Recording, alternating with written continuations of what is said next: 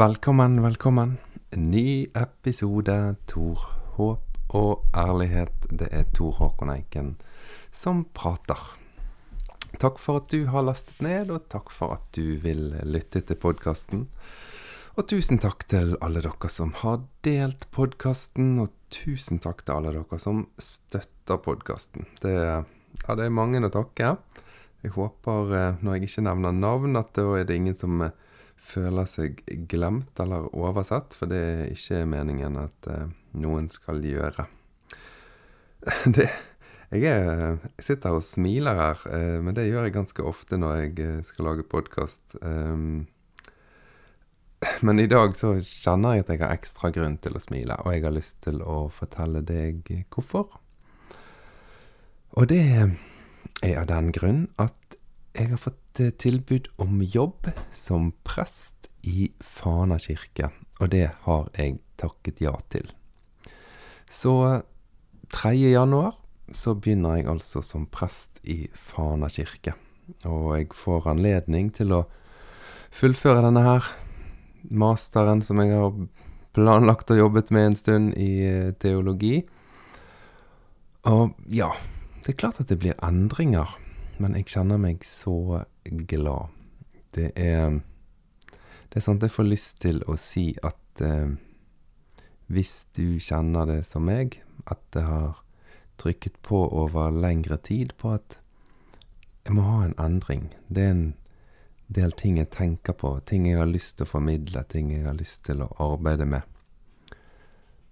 Så må jeg få lov å si nå at våg å ta Våg å ta det første skrittet.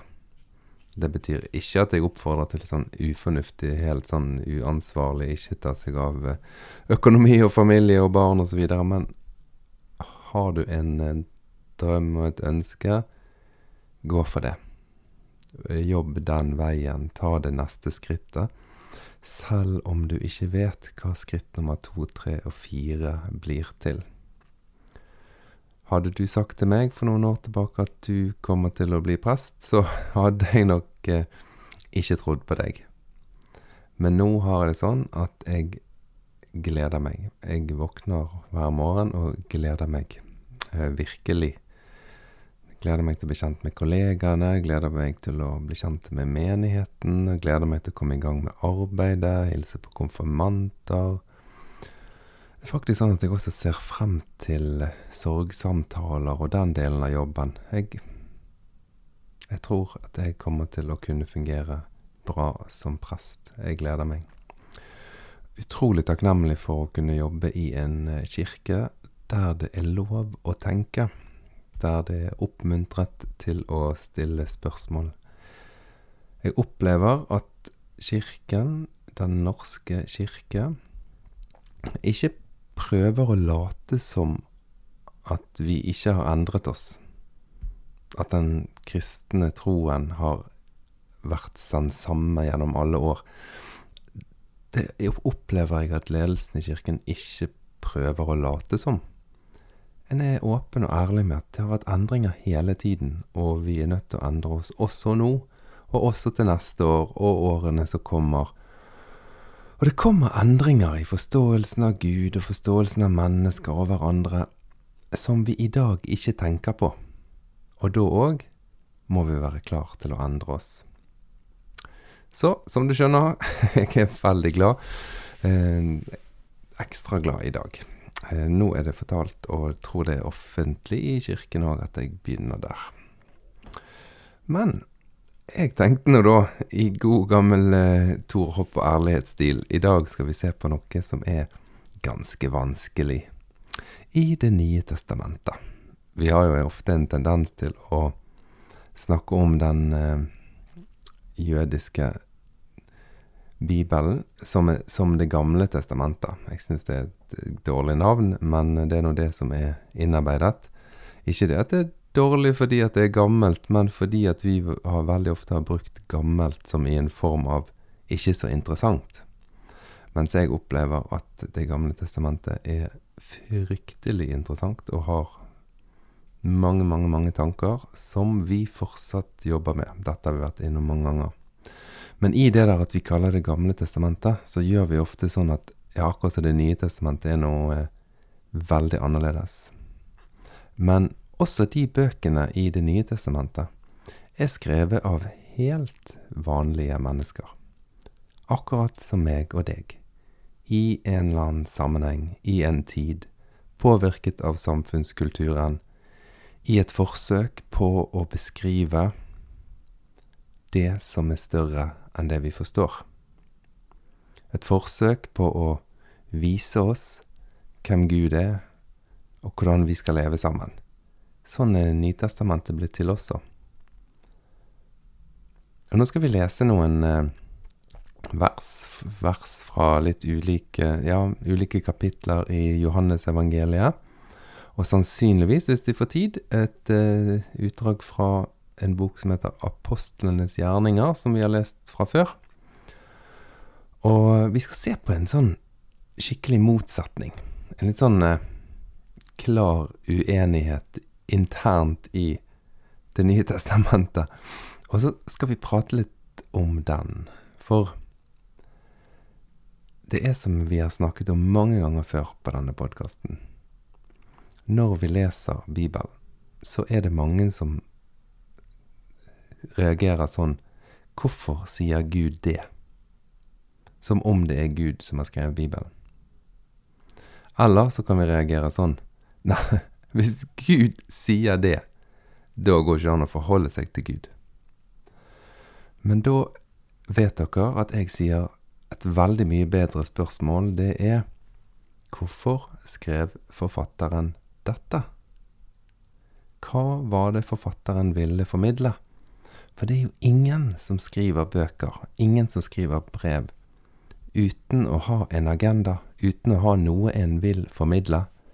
Hvis du skriver et kjærlighetsbrev, så ønsker du å formidle kjærlighet. Hvis du skriver en eh, oppgave, så ønsker du å vise at du forstår emnet, sånn at sansor sier 'Å, her er det en som forstår emnet'.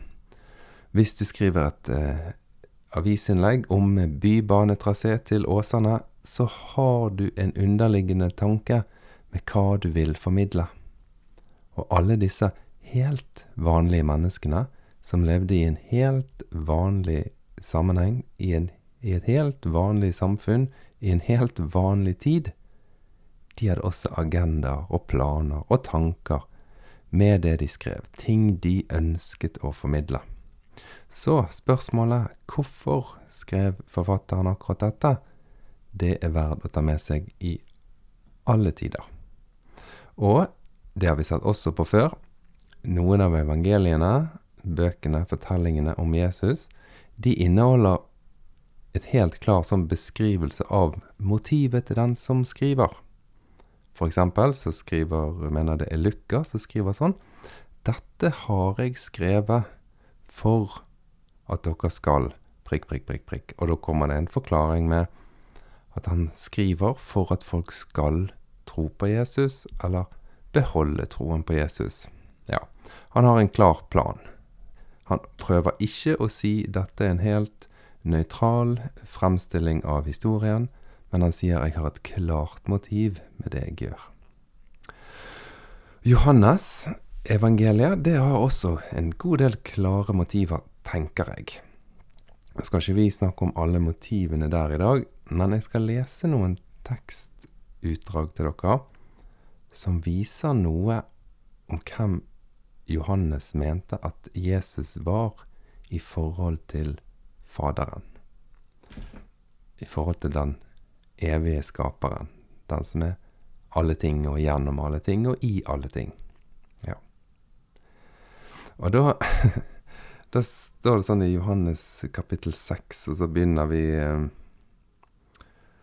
ja, i vers 38, for eksempel. Så sier Da er det ord som er lagt i Jesus sin munn her, da. For jeg er ikke kommet ned fra himmelen for å gjøre det jeg selv vil, men det Han vil, Han som har sendt meg. Og det Han vil, Han som har sendt meg, er at jeg ikke skal miste noen av alle dem Han har gitt meg, men reise dem opp på den siste dag. For dette er min fars vilje, at hver den som ser Sønnen og tror på Han, skal ha evig liv, og jeg skal reise han opp på den siste dag.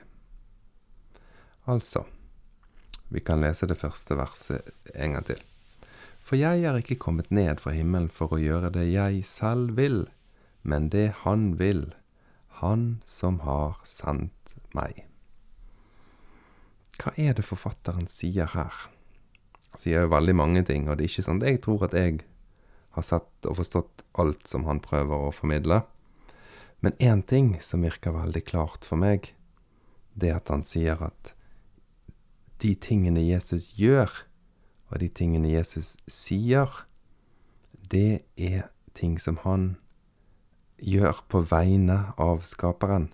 Altså, det er ikke noe forskjell på de handlingene og de ordene som Jesus eh, sier, og på de ordene Jesus, eh, som den evige skaperen ville sagt.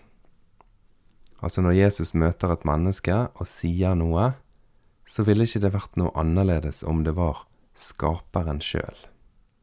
Er du med meg? Jeg opplever at det er noe han veldig tydelig formidler.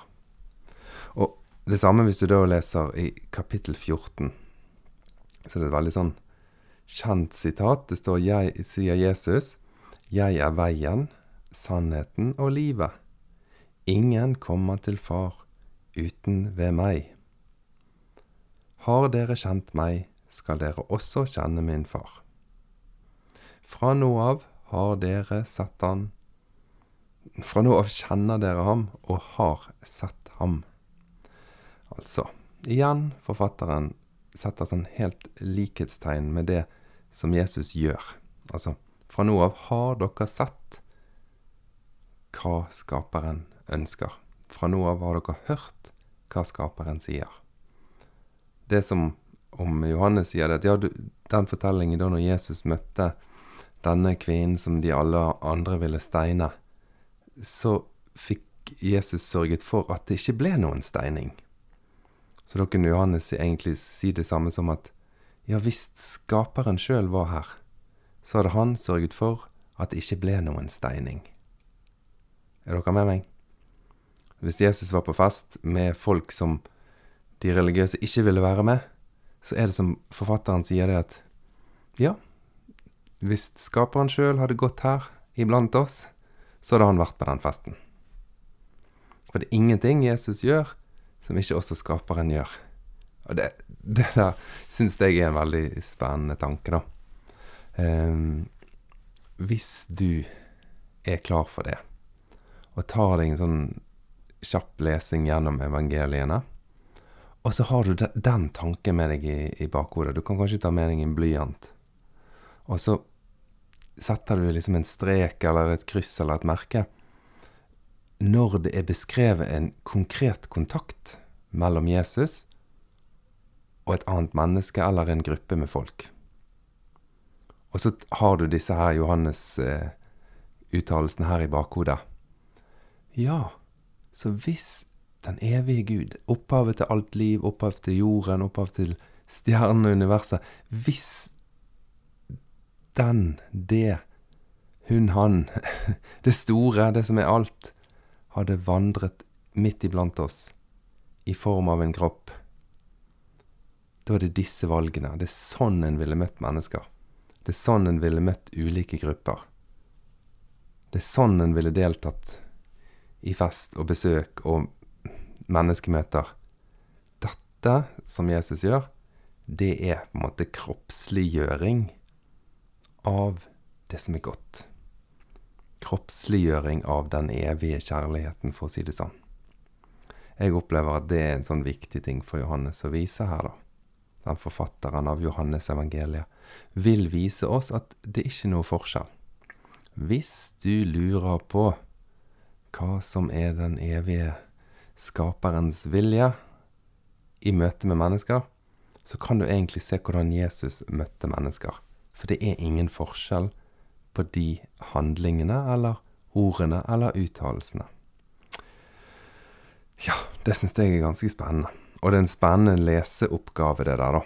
Å krysse av hver gang det er et menneskemøte. og tenke hm, ja, så hvis skaperen var her, så ville han sagt nei, jeg fordømmer deg heller ikke.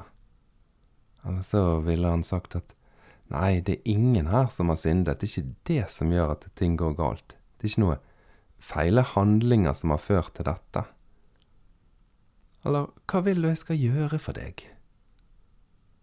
Ja, alle disse tankene og tingene som Jesus formidler i møte med mennesker, de er, er lik Guds vilje. Skal vi lese en sånn Jeg tenkte det, kan, det er nok, det, sant? Det er nok med én sånn eh, Et sånt møte her. For det er jo en god lekse. Kanskje vi kan ha noen sånn i ukene som kommer, at vi kan gå inn på en, ett og ett sånt møte med, mellom Jesus og noen mennesker. Men jeg tenkte jeg skulle lese én sak. Jeg tror kanskje vi har lest den før i, i uh, Tor Hopp og ærlighet-podkasten, men, men, det gjør jo ingenting.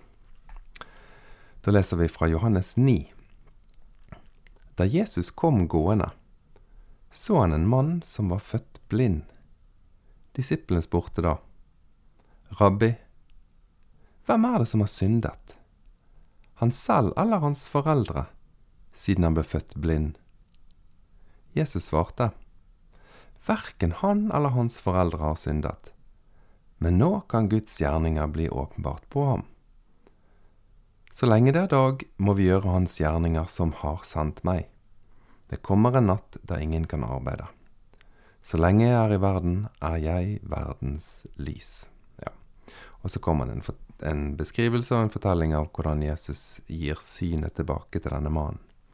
Men jeg hadde mest lyst til at vi skulle stoppe ved disse her versene i starten her, da. For da tar disiplen liksom en sånn selvfølgelig tanke fra sin samtid. Her er det en som er blind. Da er det altså noen som har gjort noe galt. Det er noen som har syndet. Det er enten foreldrene, eller kanskje det er han sjøl, eller kanskje det er ektefelle, eller Altså, det er noen som har gjort noe feil. Og den tanken har jo fulgt religion i alle år, egentlig. Men den begynner heldigvis å slippe taket i religion i Norge. Men den har vært veldig sånn gjennomgående. Ja, hvorfor blir Norge så rikt? Jo, det er fordi at vi følger Gud. Eller eh, etter reformasjonen, danskekongen, som var, også var norgeskonge, tapte masse kriger. Ja, da ble det en sånn Oi, vi taper kriger fordi at folket ikke lever nok med bønn og Bibel. Og så, må, så måtte en sånn, ha sånne bots- og bededager der alle mennesker måtte faste og be, alle i Norge, da. Fordi at vi taper nok disse krigene fordi at vi har gjort noe feil. Det er ikke nok pietisme over det norske folket. Altså, dette som disiplene sier her, de spør jo helt selvfølgelig Rabbi, hvem er det som har syndet?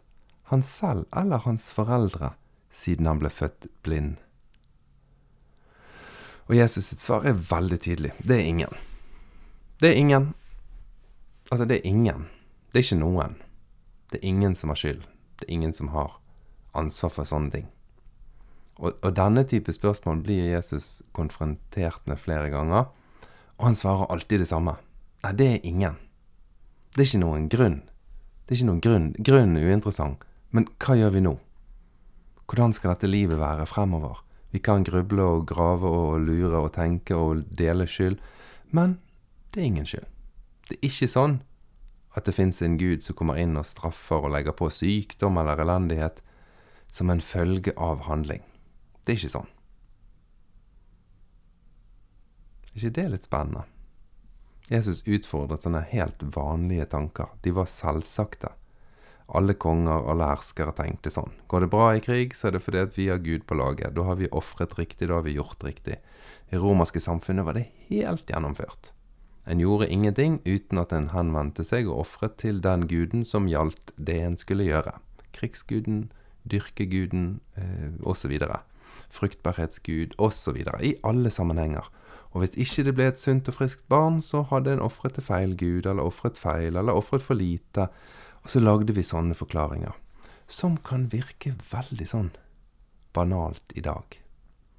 Men de tankene har fulgt oss veldig lenge. Også Kirken har tenkt disse tankene veldig lenge. Selv om det er helt tydelig i Johannesevangeliet at forfatteren der prøver å si at Jesus sine handlinger og holdninger, de er blåkopi, direkte kopier av det som skaperen sjøl ville gjort hvis skaperen gikk iblant oss. Er dere med meg på denne tanken? Jeg kan hende jeg eh, Jeg prøver å ikke liksom servere hele ferdige tanken sånn i detalj, da, men jeg syns den er veldig spennende. Les evangeliene og se på disse menneskemøtene. Og tenk ja, hvem er det som får kjeft? Når er det Jesus er rasende sint? Når er han happy? Hvem er det han passer på? Hvem er det han viser omsorg for? Du kommer til å komme til minst én fortelling der du tenker 'Jesus, du er ikke riktig klok', dette kan umulig være det Gud ville gjort. Men da må du ha med deg spørsmålet 'Hvorfor skriver forfatteren dette?' Jeg skal gi deg et eksempel her. Dette syns jeg var en grådig vanskelig Dette vi skal lese nå, syns jeg var en utrolig vanskelig fortelling å forholde meg til. Eh, for en del år tilbake når jeg hadde en veldig sånn tanke om at Hvorfor skriver Gud dette? Åh, det var så deilig å oppdage det spørsmålet. Hvorfor skriver forfatteren dette? Og da tenker du, Tor, er du så barnslig? Måtte du ha hjelp til å forandre det spørsmålet? Ja, det måtte jeg. Jeg var veldig sånn inne i den tanken. At hvorfor sier Gud dette? Og så er jo det selvsagt. Selvfølgelig er det vanlige mennesker som har skrevet disse bøkene.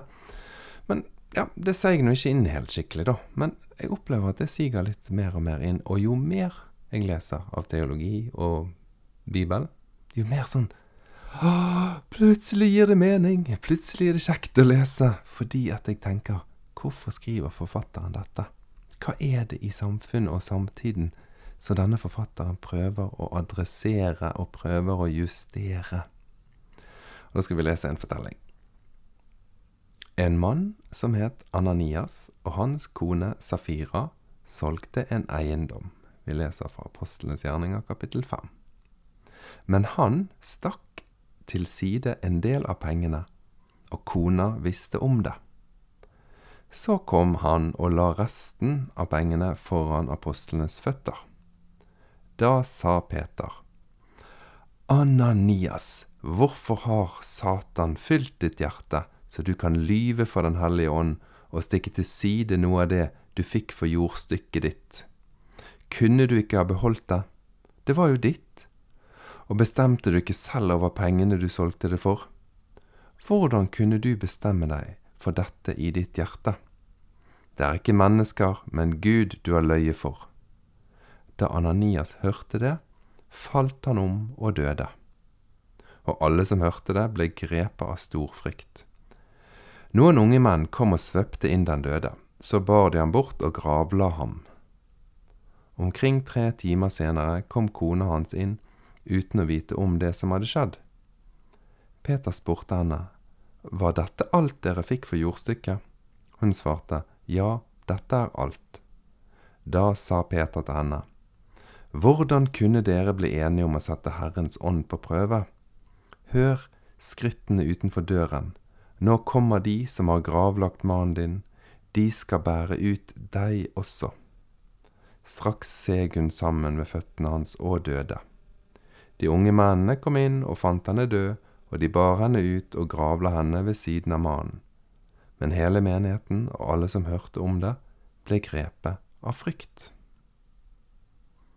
absurd fortelling, sant. Men hvorfor skriver forfatteren dette? Og du skjønner jo mest sannsynligvis med en gang at det er en veldig motsetning, sant. Her har vi akkurat lest om Jesus som avviser veldig sterkt at ting går galt fordi en, noen har gjort noe feil, osv.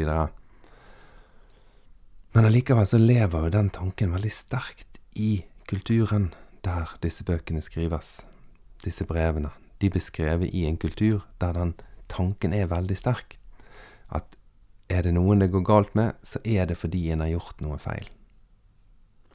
Og det kan jo godt hende at det var et ektepar som het Ananias og Safira. Og det kan jo til og med hende at de latet som de ga mer til kirken enn det de gjorde. Og det kan jo til og med hende at de døde i en eller annen sammenheng eller en eller annen omstendighet, eller ble syke av pest, eller ja, et eller annet. Død, altså, en døde jo forholdsvis ung på den tiden. En levde ikke så lenge som i dag. Og når denne her fortellingen skrives, da, sånn en 40-50 år etter at Peter ikke lenger lever Og situasjonen er sånn at Peter ble en veldig viktig figur i å samles om for de kristne, så fins det et behov hos denne forfatteren å fortelle en fortelling.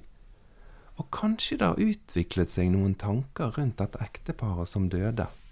Dette ekteparet som alltid skulle vise seg så utrolig sånn givende og sjenerøse, men alle visste at de er kanskje litt gniten. Så har det kanskje utviklet seg noen sånne fortellinger og tanker da, om dette paret. For det er jo ikke alltid at det, det er helt sånn samstemmer i tid. Men at en kan ha bygget videre på en fortelling om et, om et ektepar. Og hvorfor tenker du da at forfatteren tar med denne fortellingen? Hva er det forfatteren av Apostlenes gjerninger, den samme som har skrevet Lukasevangeliet, mest sannsynlig, skriver da Apostlenes gjerninger, og tar med en fortelling der Peter er en sånn nesten guddommelig fyr. Og hvis noen liksom jukser og ikke snakker helt dønn ærlig til han, så dør de. Hvorfor tar han med en sånn fortelling som er så rak motsetning til holdningene som f.eks. Johannesevangeliet uttrykker om det er at eh, Nei, det er ikke noen sånne følge... Du kan ikke lage en sånn følgeårsaksrekke eh, der det skjedde, det skjedde, og de løy, og derfor så døde de. Det er ikke sånn, sier Jesus. Det er ikke sånn det funker. Jesus sier at Gud er en som lar solen stå opp over onde og gode, og lar det regne over onde og gode. Og vi som har en 2000 års tradisjon etterpå, vi vet jo at hvis Gud skulle grepe inn sånn som dette, i alle mulige situasjoner der noen i en eller annen kirke eller menighet lyger.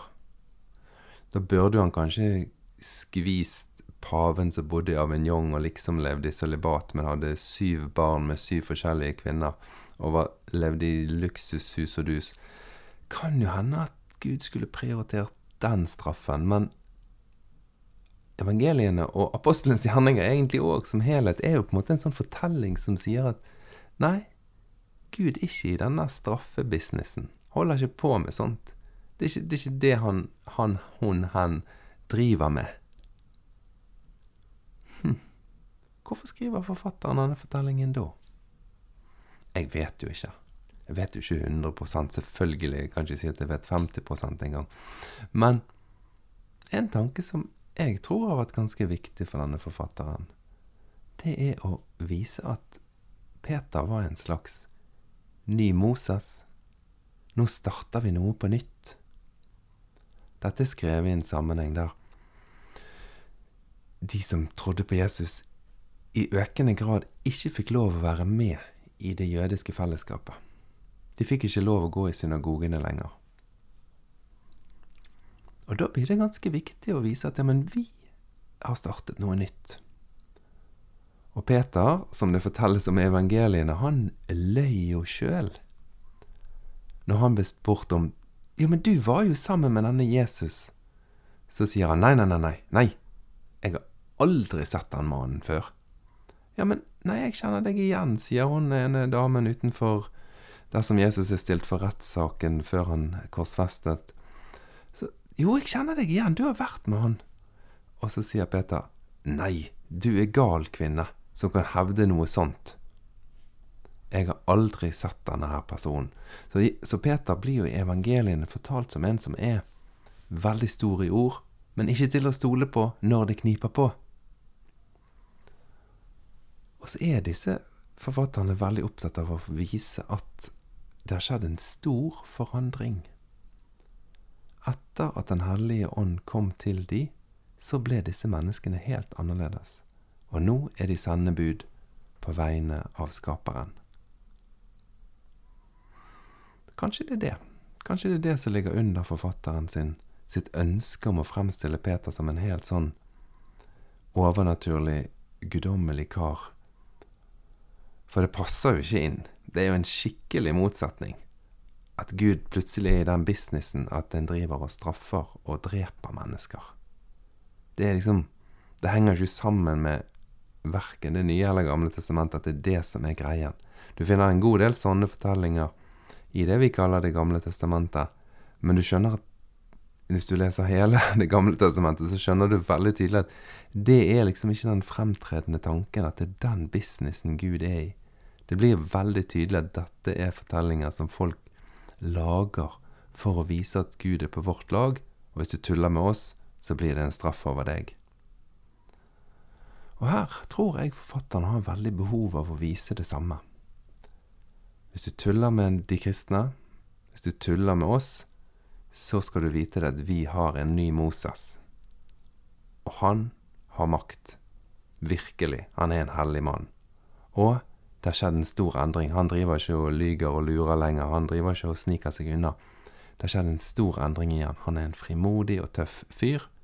Og hvis du ikke snakker sant, så går det galt. Hvorfor tar jeg med denne her eh, lille saken til deg i dag? Jo, det er fordi at eh, vi holder på med Tor, håp og ærlighet. Og da må vi se på noen av tekstene som er veldig vanskelig.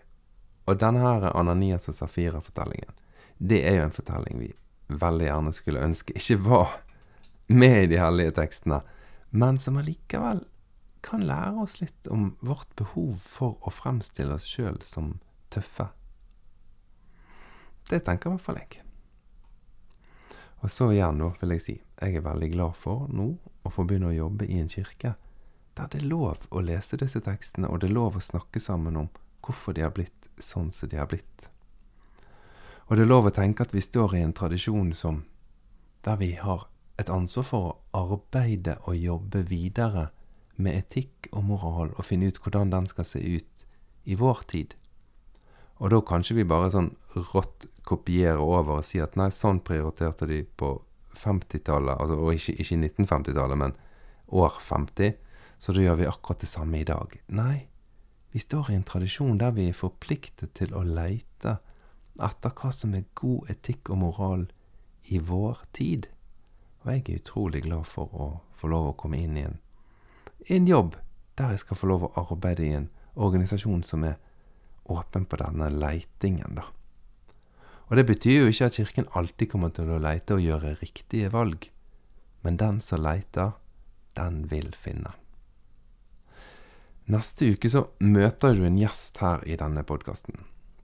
Og det er en gjest som er virkelig knyttet til Kirken, på tross av at Kirken har gjort uendelig mye vondt mot personen. Så i utgangspunktet så kan du kanskje føle at episoden er en kritikk av Kirken. Men du må huske på at den du møter i neste uke, er aktiv medlem i Kirken og vil aldri tenke tanken på å forlate Kirken og troen på Jesus. Selv om du vil høre at hm, hun har gode grunner til å ta fullstendig avstand. Så nå kan du glede deg. Neste fredag klokken 07.00 så er det ny gjest i Tor, håp og ærlighet. Frem til da, ha en riktig, riktig god uke. out.